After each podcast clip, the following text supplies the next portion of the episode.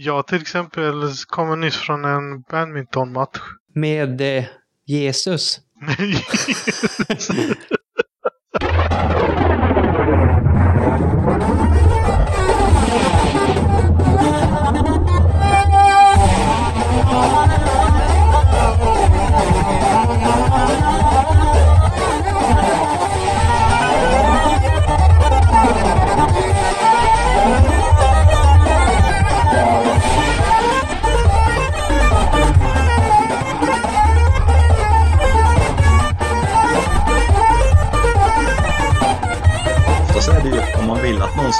ska så är det oftast inte bra att, att säga det på det sättet. Men det är ju lättare sagt än gjort. Utan ofta ska man försöka vara lite så här. Det blir lite som en anklagelse och då tänder ofta folk till. Liksom. Ja, ja, det gjorde hon ju verkligen och det var ju helt... Eh...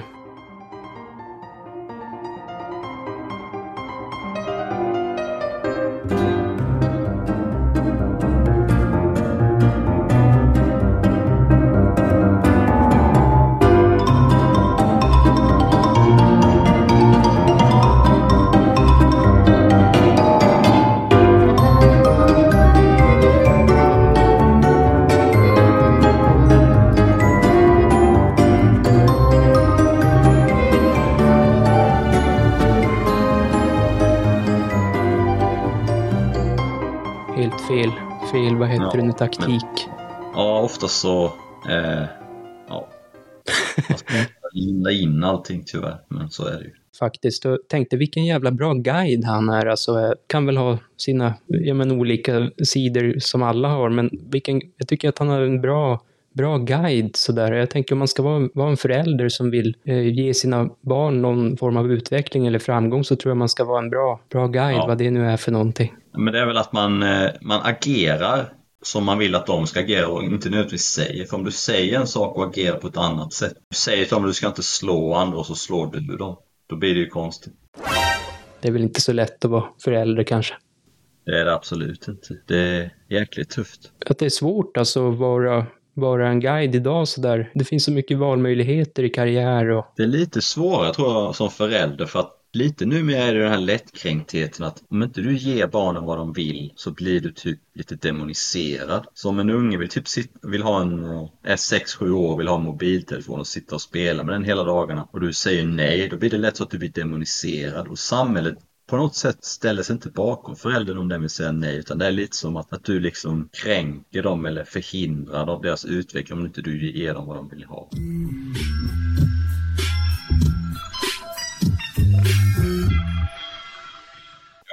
Framgång tror jag är när man har lyckats med något man inte lyckats med tidigare eller det är första gången man verkligen får något genombrott i någon. Jag, jag tänker så att när man har haft en stor framgång, då vet man liksom. När jag hade haft, en gång hade jag haft en riktigt lyckad lektion. Det var när jag var, lär, jag var på lärarutbildningen. Och då hade praktik och sen hade jag en lektion som jag tycker gick verkligen klockrent och det kändes som att eleverna gillade det. Sen efteråt tror jag att jag satt på tåget hem och kände mig nöjd och tillfredsställd för att jag hade haft en så här bra lektion hade jag aldrig haft tidigare. Det kändes, kändes bra, det kändes som jag hade nått en ny nivå i min... en ny platå, en ny nivå. Ja,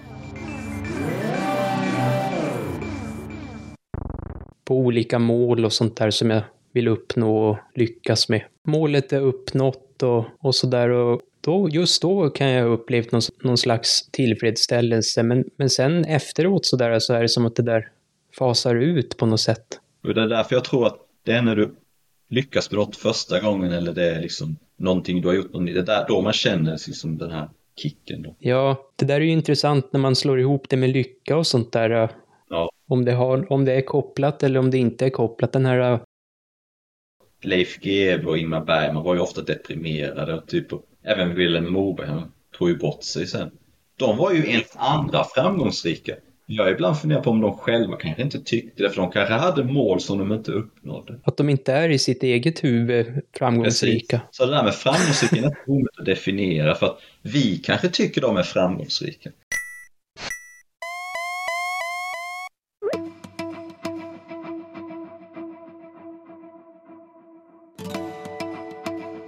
My life is fueled by my being, Yep.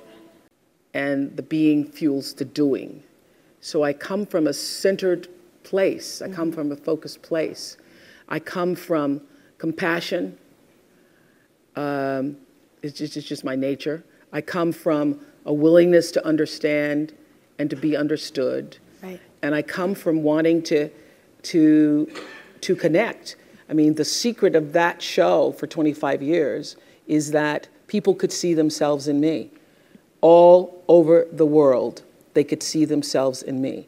And even as I became um, more and more uh, financially successful, which was a big surprise to me, I was like, oh my God, this is so exciting. you mean you got more than that 30,000? I got more than 30,000 by the time I was 30. So, so my, so, but what, what I realized is through the whole process, because I'm grounded in my own self, that although I could have more shoes, my feet stayed on the ground, although I was wearing better shoes. These are kind of cute today, too. Uh, so I could keep my feet on the ground even though I could get more shoes. And I could understand, I could understand that it really was because I was grounded. I've, I've done the, was doing and continue to this day to do the consciousness work. I work at staying awake. And being awakened is just another word for spirituality, but spirituality throws people off and they think you mean religion.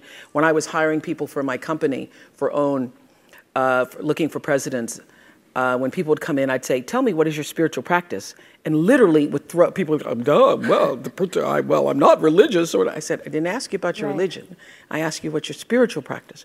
What do you do to take care of yourself? What do you do to keep yourself centered? What do you do to the? And uh, you know, one woman started crying. You know, that's not the person. So that's a sign. That's a sign.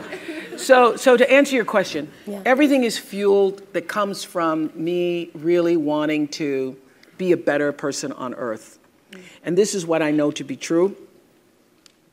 The reason why the show worked is because I understood that that audience, my viewers, the people who watched us every day and would come and just like you all did, uh, get tickets and they would come with their family. You all just came across campus, but that's good too. But people would come from all over the world just to be there with their aunts and their mothers, and they'd come with their cousins, and there'd be a few men in there going, What the hell? How did I do this?" or saying, Well, I went to Oprah with you. I went to Oprah. and all at least give me clear for three or four weeks. I went to Oprah with you. I had such regard for that. And I just had a conversation with John Mackey, who runs Whole Foods, Yeah. and has written this fabulous book. You should get it called um, Conscious Capitalism. And he was talking about how the investment in the stakeholders, the people who you are serving, that connection between the people who you're trying to serve and sell to, is equally as important as the people who you're buying from, Right. equally as important as the people who are, you know, supporting you financially, um, as your stockholders if you are, you know, you know, a public company. So I always understood that there really was no difference between me and the audience. At times, I might have had better shoes, but at the core, the core of, of, of what really matters, that we are the same. And you know how I know that? Because all of us are seeking the same thing. You're here at this fabulous school, and we'll go out into the world and each pursue based upon what you believe your talents are, what your skills are, maybe your gifts are, but you're seeking the same thing. Everybody wants to fulfill the highest, truest expression of yourself as a human being. That's what you're looking for. The highest, truest expression of yourself as a human being. And because I understand that, I understand that if you're working in a bakery and that's where you want to be, and that may be the that may be what you've always wanted to do is to bake mm-hmm. pies for people or bake cakes for people or to offer your gift, then then that's that's for you. And there's no difference between you and me except that's how that's your platform. Mm-hmm. That's your show every day. So my understanding of that has allowed me to you Reach know everyone. to, to, to reach everyone. And and there's no way that you wouldn't because that's that's what I truly feel.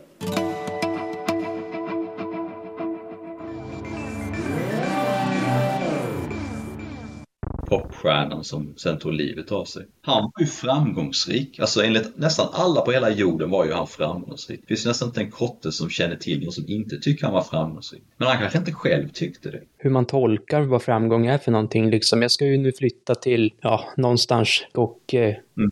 för mig känns ju det framgångsrikt liksom. Men för, för två... Ja, för två, tre år sedan så, så hade jag nog inte känt att det var något, något speciellt sådär. Framgångar om man definierar som sina mål ändras ju under livets gång. 15 år, då kanske du tänker ja, jag vill bara sluta gymnasiet och kommer allt lösa sig och så vidare. Och det skulle vara en stor framgång om jag kunde ta student. Sen ändras ju målen liksom. Jag tycker att den här undersökningen jag genomgick igår, det var ju en framgång att jag lyckades klara mig igenom det. Du har varit på koloskopi, heter det så? Ja, det var en upplevelse kan man säga. Ja, så det var ju två delar av den. Först var ju dagen innan, då skulle man dricka sån här laxerande. Extremt sött. Det var nästan så, så det var svårt. Det var som att dricka sirap blandat med läsk och typ tandkräm eller någonting. Fy fan. Ja, ja. Och det var två doser. Och sen började det ju... Jag behöver inte gå in på detaljer, men typ man pittade på röven kan man väl säga. Det här var hemma, eller? ja, ja. Man var tvungen att göra det. Jo, man fick vara hemma i alla fall. Det var ju skönt.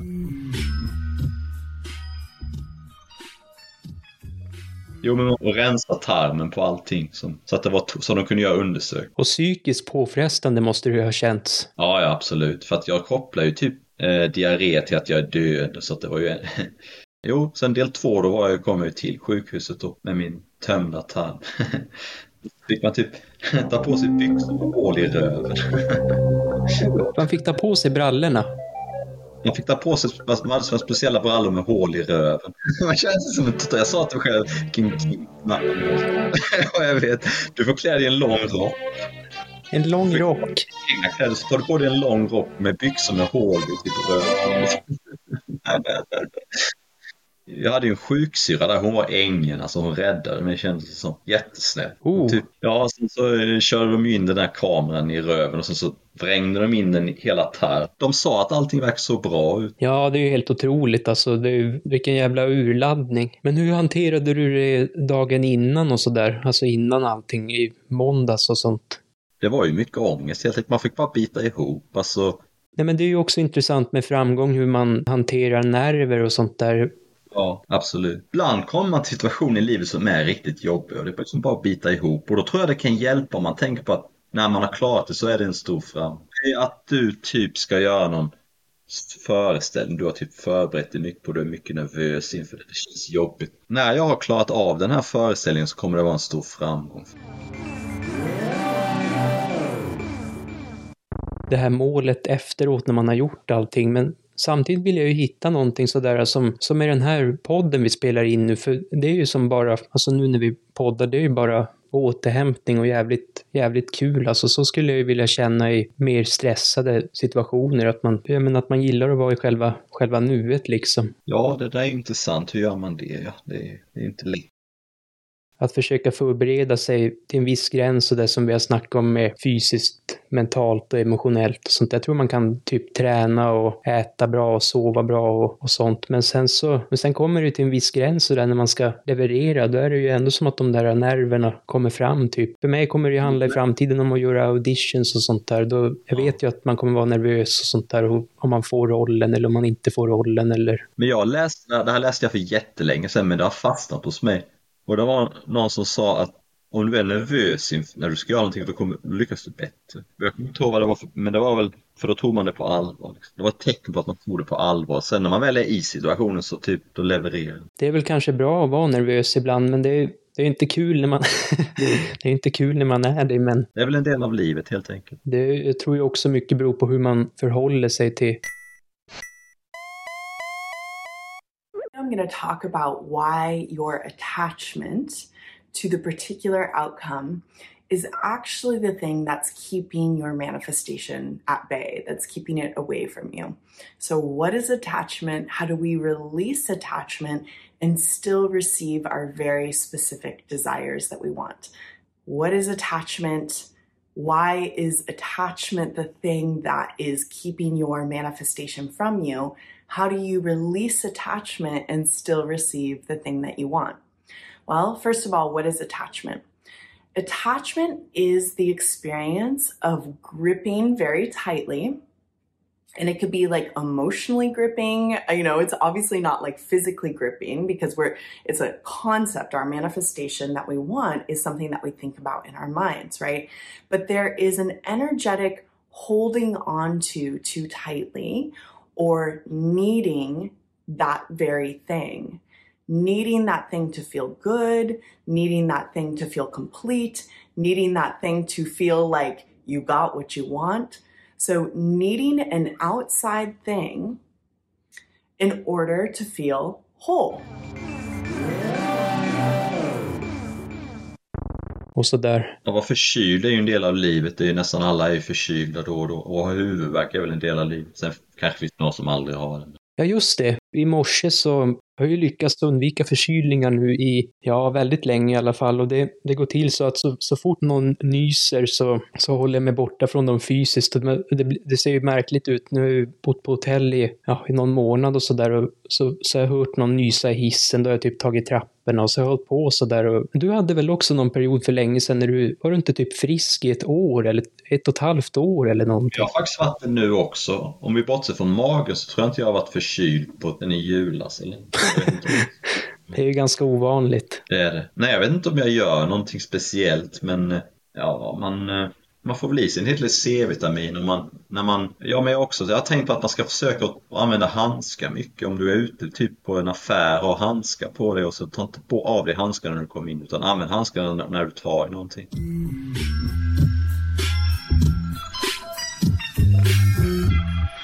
Varför tror du att vissa är framgångsrikare och inte andra?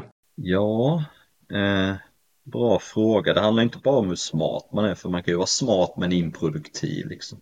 Ja, man är väl, eh, ja, jag tror att en sak är att man, eh, man håller fast vid en grej liksom och inte ger upp utan man, man, man sprider sig inte så mycket på olika saker. Om man blir lätt distraherad så är det svårt att vara framgångsrik för att du, du spårar in på, för då blir det som att du gör många saker samtidigt. Och då får man ingen effekt i, i det området man vill ha framgång i.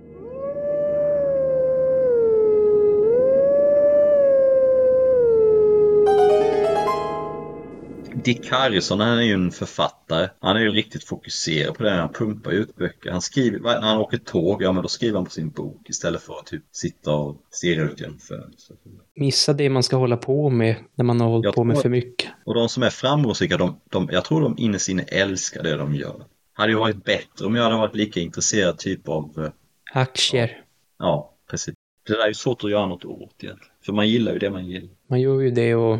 Men om man ska baka ner det och sådär, jag, jag tror ju på att man, att man kan utbilda sig eller så kan man skaffa erfarenhet eller bägge två och sådär. Ja. Och sen om man fyller båda de pottarna liksom så, ja men inte vet jag, lyckas med någon, någon karriär eller någon. Jag tror du, jag tror du innerst inne måste vilja det och du måste tycka det är kul. Du kan inte bara ha det som ett du kan inte bara ha att du ska vara framgångsrik som anledning till det. Då tror jag det blir svårt.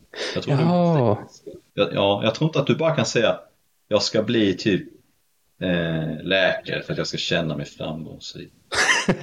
Istället ska det nog vara så att du älsk, typ tycker kroppen är jätteintressant och du tycker det skulle vara så kul att kunna hjälpa folk och så vidare. De, bäst, de som lyckas bäst i sport är ofta de som älskar just den sporten. Och de som inte lyckas lika bra, de kanske känner att ja, men jag ska bli typ en, en eh, höjdhoppare. Jag måste bli höjdhoppare. Det är min identitet att jag ska vara en höjdhoppare. Men de, älskar, de tycker det är en press att hoppa höjdhopp sen. De tycker inte det är kul. De blir sällan lika framgångsrika som de som just bara älskar en viss sport. Jag har alltid tänkt på framgång som någonting externt, typ att man ska uppnå något visst mål sådär. Jag har inte tänkt riktigt på att det kommer inifrån. Har du haft något så här på gymmet någon gång att du har känt en framgång när du har lyckats nå typ en... haft vissa mål med vikter och kroppsform och sånt där och då, då har jag ju typ använt mig av erfarenhet och nu då på senare utbildning då, och då när jag kopplar ihop de där två så har det, så, så nu är det ju jättelätt för mig med att forma om kroppen och sånt där för jag vet, jag vet typ vissa grejer från utbildningarna och, och sådär men sen vet jag också i vissa situationer att nej men jag vet, just det, jag har så jävla mycket erfarenhet så det där stämmer inte riktigt och när jag kopplar ihop dem så blir det jävligt bra. Sen tror jag ju att jag har förstört min kropp lite grann med allt det här fellyftandet och sånt där men, men vissa tips jag gett åt andra har snabbat på deras processer fort som fan. Det, det jag bara tänkte, ibland har jag haft också, apropå det jag sa innan, att i schack exempelvis så har ibland folk sagt du är ju jättegrym på schack du, du är ju jättebra, men då har jag själv fnysit, vadå bra? Jag har inte, då har jag inte uppnått den typ, eh, nivån på schack jag vill. Så då känner inte jag mig framgångsrik, även fast andra, wow, har du vunnit det i schack och har du den rankingen? Och själv tycker jag, men jag är ju inte 2000. Nej. Jo, jo, man har ju provat att spela schack mot dig någon gång. Det har ju inte... Det har Jag har ju ju... gått klubb och så.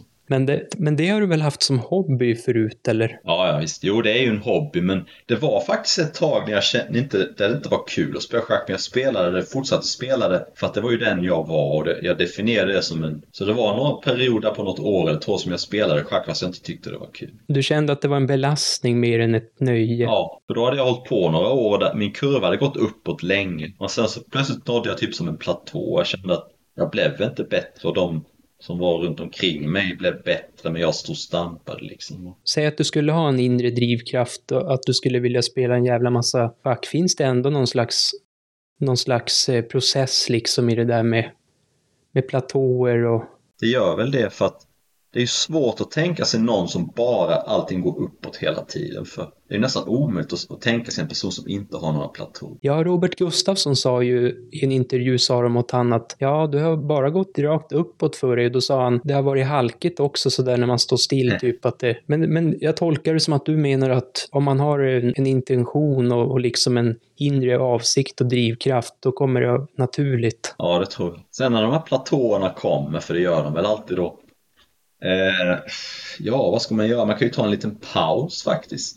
Jag har hört de som säger att man inte ska ta pauser, men jag har faktiskt märkt det att det har jag gjort i Magic några gånger när jag inte tyckte det var kul. Jag har tagit en liten paus på några månader och sen när jag kommer tillbaka är det oftast roligare. Så där kan jag ju bara känna när vi, när vi poddar liksom, ibland när vi har haft lite uppehåll och sånt där. Man, man kommer på nya idéer och får nya Ja. saker som man har hämtat i verkligheten och kan ta in hit liksom som man har sett och hört. Och... Menar du att man stagnerar när man har varit, när man har hållit på utan att pausa eller menar du bara att Man kan göra det. Jag tror inte att man måste nödvändigtvis göra det, men jag tror att det finns en viss, viss risk. Och jag tror det är för att man har gjort det så mycket som man känner igen liksom det mesta. Och det, börjar, det mesta börjar bli liksom slentrian.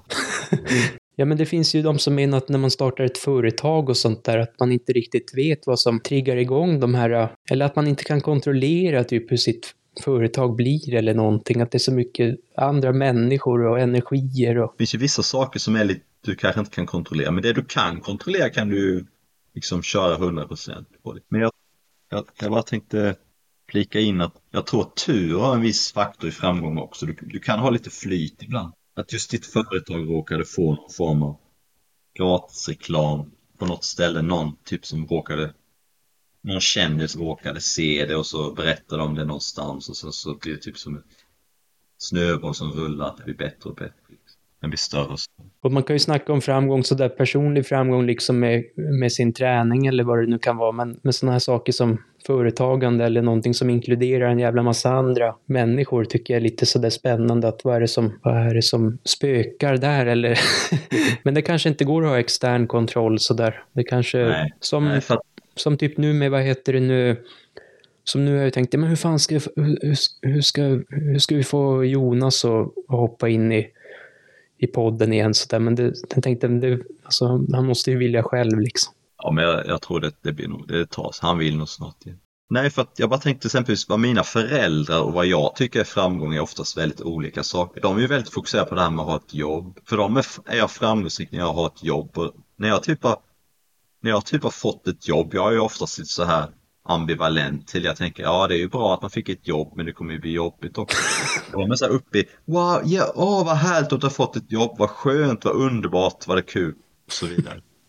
Men det kan vara bra att man får, då får man ju lite liksom så här positiva tankar kring det. Men om jag typ blir framgångsrik typ i något annat, typ jag nyligen, ett tag sedan vann jag typ 12 000 på Magic, typ online.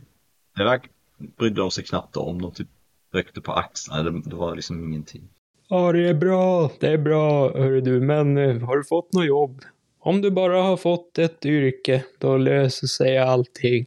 Och sen sa jag, ja, jag vill börja med det här med, med vad heter det nu, podcast och ja, men som sagt, får du bara ett yrke så, så löser det sig. Men kul med den där podden, men skaffa Men det- jobbet så. Man kan ju få ett jobb som är skit.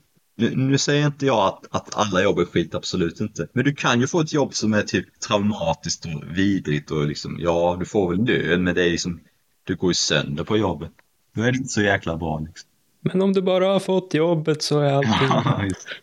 men jag, håller, alltså, jag kan ju ändå hålla med om att om man får ett jobb man älskar, det är ju bra. Alltså det är ju liksom drömmen. Det är ju en stor framgång. Men att bara få ett jobb. Men eh, det, det, är kul sådär när man ser typ eh, varit ute och gjort något i, nat i, naturen eller någonting och sen typ skitglad ja. eller något sånt där efter. Och så ser man sådana ja, här som... deppiga folk som, som typ har biljoner och ändå är de helt förstörda. Ja, precis. Så att eh, framgång behöver ju inte vara pengarna på kontot. Nej, men alltså som du säger, när någon kommer in från naturen och är på gott humör och strålar, vad, vad mer kan man begära av livet liksom? Men om man ska ge något tips liksom till... Hitta något du älskar, något som du verkligen tycker om och sen fundera på om du kan bli framgångsrik inom det. Men så är det ju det här med att och också kolla hur, om det är många som vill bli det så kanske satsa på något annat. Om du vill bli youtuber eller tiktokare eller typ någonting så är det nu svårare för att det är så många som vill bli. Men om du kan hitta något du älskar som inte är så vanligt så kan det bly guld. Och blanda in sin hobby på något sätt. Ja, apropå det där med youtuber. Om någon blir en youtuber då, då, då, tycker jag man märker när de inte tycker det är kul längre. När de gör sina videos bara för de måste. Jag tycker man kan känna av det typ i deras minspel och innehållet. Och det är som att de gör det här bara för att min kanal ska fortsätta få prenumeranter som jag tycker är kul. Har du läst någon, just det, den där Bals bojor eller någonting, fan vad jag letar den. Ja, den är svår att hitta, det är där man får välja mellan olika grejer. Börjar man som en karaktär i boken eller gör man olika val eller? Jag tror det. Om jag minns rätt så ska du slå lite med tärningar på vissa ställen när du möter typ något monster eller något. Eller om du åker in för en händelse som är, har slump i sig. Och målet är att framgångsrikt undvika döden eller? Ja, jag tror det. Jag tror att jag tror att det finns någon sida som du, eh, när du kommer till den så har du vunnit. Typ. Men ofta får du ta olika val. Ibland slutar ditt val med att du typ dör. Så det är en sån bok, man kan inte läsa den hur många gånger som helst. Till slut så kan man liksom alla svar.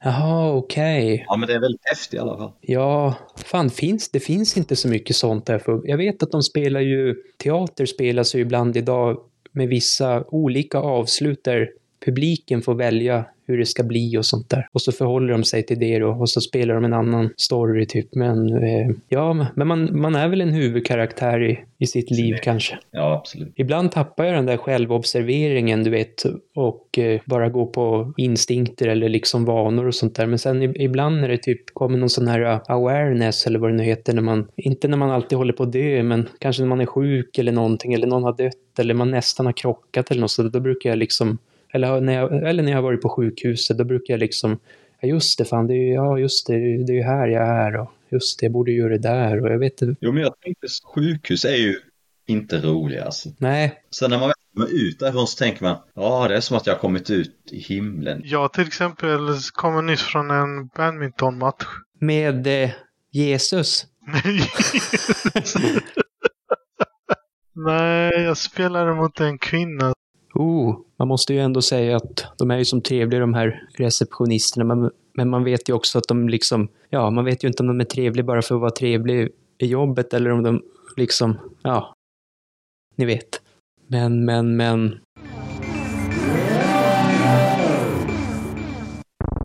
Alltså jag, jag, tror ju att det är en gubbe på molnet. Ja. Och att han eh, delar ut olika karma för hur man beter sig dåligt sådär mot folk eller djur eller någonting så, så tror jag att man blir bestraff bestraffad senare. jag har ju inget bevis för det, det är bara en magkänsla. Ja, det är samma sak här. Nej, jag kan inte bevisa mer än att min fullständiga tro på det. Vad heter det? En sån tro som eh, otvivelaktig nästan nästan lika stark som att veta att eh, Sydamerika ligger söder om Sverige och så. Till exempel, jag har aldrig varit i Afrika men jag vet att jag tror, eller, jag, eller enligt mig så vet jag att den ligger söder om Sverige. Det är bara någonting jag sett på kartan. Eller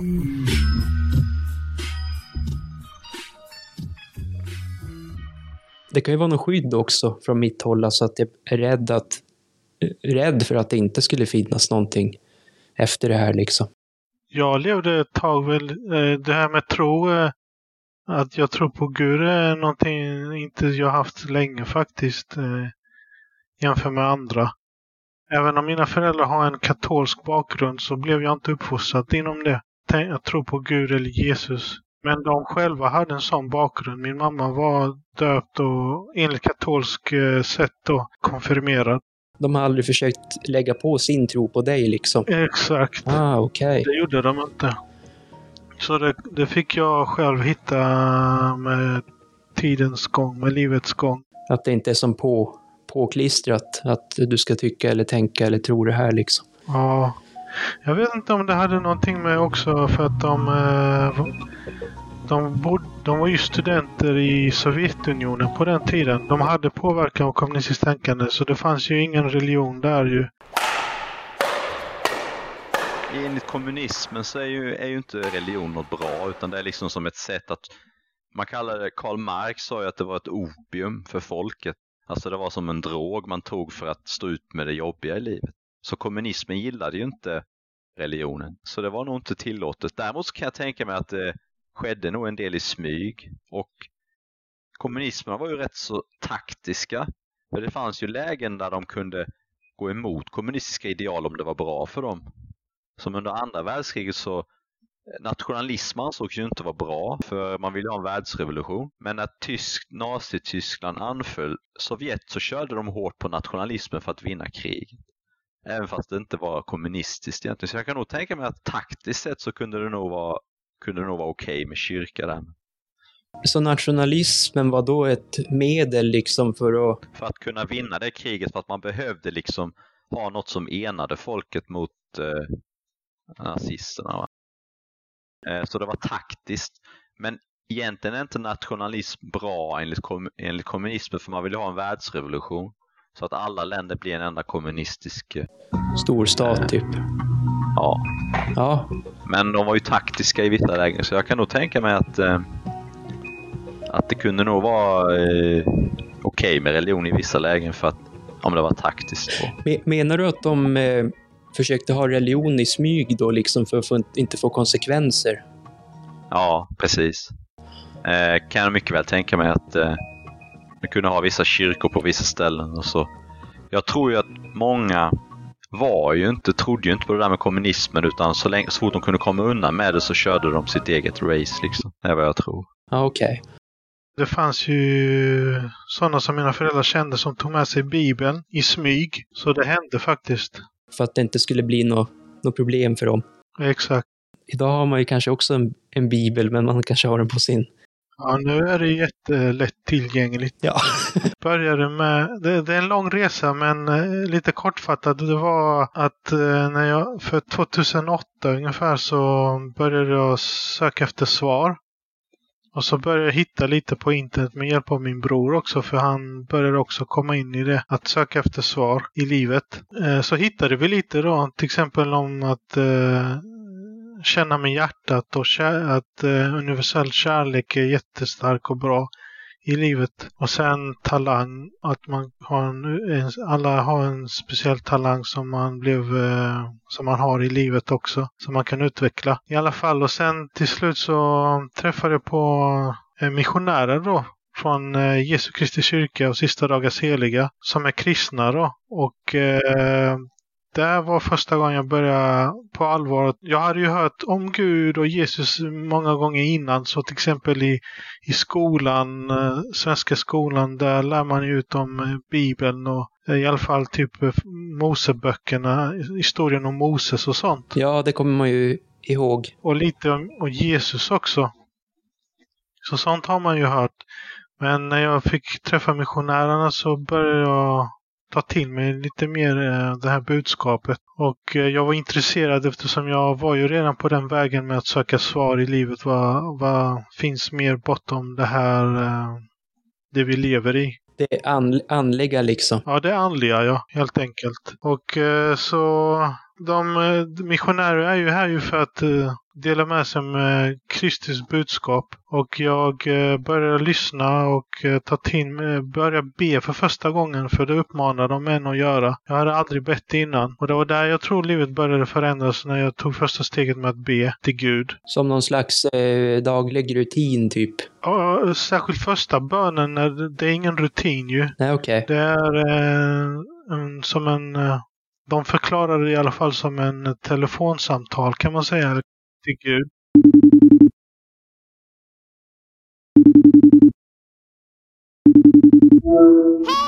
Va?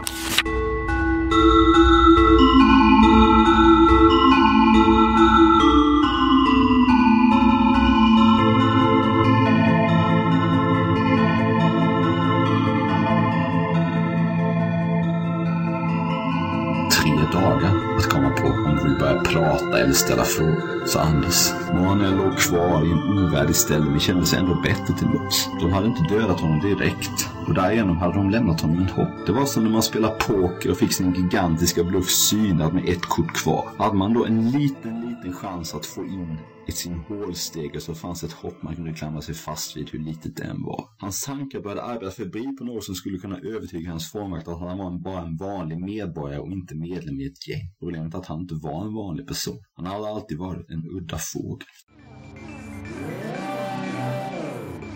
Bernt Sahlström, före detta minister för försvaret i Sverige, låg tillbaka lutad i fåtöljen utanför Bangla. Fåglarna kvittrade. Det var det slutgiltigt bevis på att det hade undkommit. Han kände inte igen fåglarnas lät. När han var student i Lund var det ett typiskt läte som alltid utropade vårens ankomst. Du, du, du, du.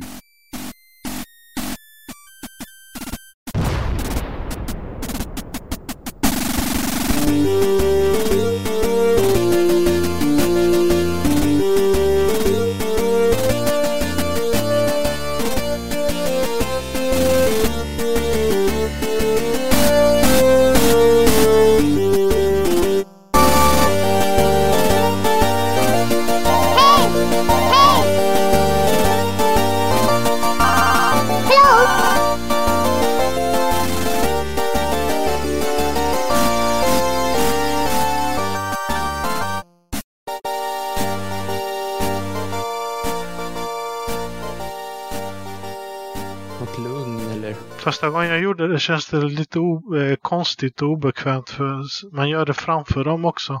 Men sen eh, eh, ber de att du ska göra det själv. Uppmanade jag att göra det själv och så det gjorde jag och då kändes det fortfarande lite konstigt för jag hade aldrig gjort det men eh, ju mer jag testade på det desto mer kändes det bra. Jag har gjort det oftare, nu är det en rutin ju som du sa. Eh, så känner jag mig mycket närmare Gud än vad jag har gjort någonsin i hela mitt liv. Fast jag har också märkt att Gud har alltid varit med mig sen, eller han är med alla sen vi föds på jorden, typ, tycker jag. Vad är det för känsla du får under tiden liksom? Som en, en lättnad att kunna säga det jag ville, få ut det och att jag kände, ju mer jag ofta jag gjorde det, att jag kände att det var någon där som lyssnade på mig. Menar du att det var som en slags ventil på något sätt? Ja, på ett, på ett sätt. På, på ett vis. Som med teatern också brukar ju folk surra om att det är en som en slags ventil, att man får ventilera ut det sina känslor och så är det någon som lyssnar kanske. Är det så? Ja, okej. Och nu är det mer som eh, för vägledning i, i allting jag gör i livet. Känner mig trygg i det jag gör, i, i allting jag gör. Med studier, eh, när jag ska jobba eller... Menar du att du fattar beslut baserat på det eller menar du att det bara är med dig liksom? Det är också när det är svåra beslut, till exempel om jag har svårt att välja mellan två olika jobb. Jag kollar på fördelar och nackdelar. De säger att det är bra att man har flera valmöjligheter innan man frågar Gud om eh, när man ska ha vägledning för vad man ska välja för beslut. Ja, jag fattar. Jag tror jag fattar ungefär. Är det någon slags, alltså någon slags kompass typ eller någon et- etik och moral? exakt. Gör du det någonting då, typ när du ska fatta ett beslut, gör du det då på någon slags känsla liksom eller, eller mer intellektuell grej liksom? Eh, jag tror det är både och. Ja. både känsla och intellektuellt. Ja. Ja. Och du har analyserat igenom intellektuellt själv. Och sen när jag är i bön så kommer det som en känsla kan man säga. Och, och då slår du till. Ungefär kan man säga.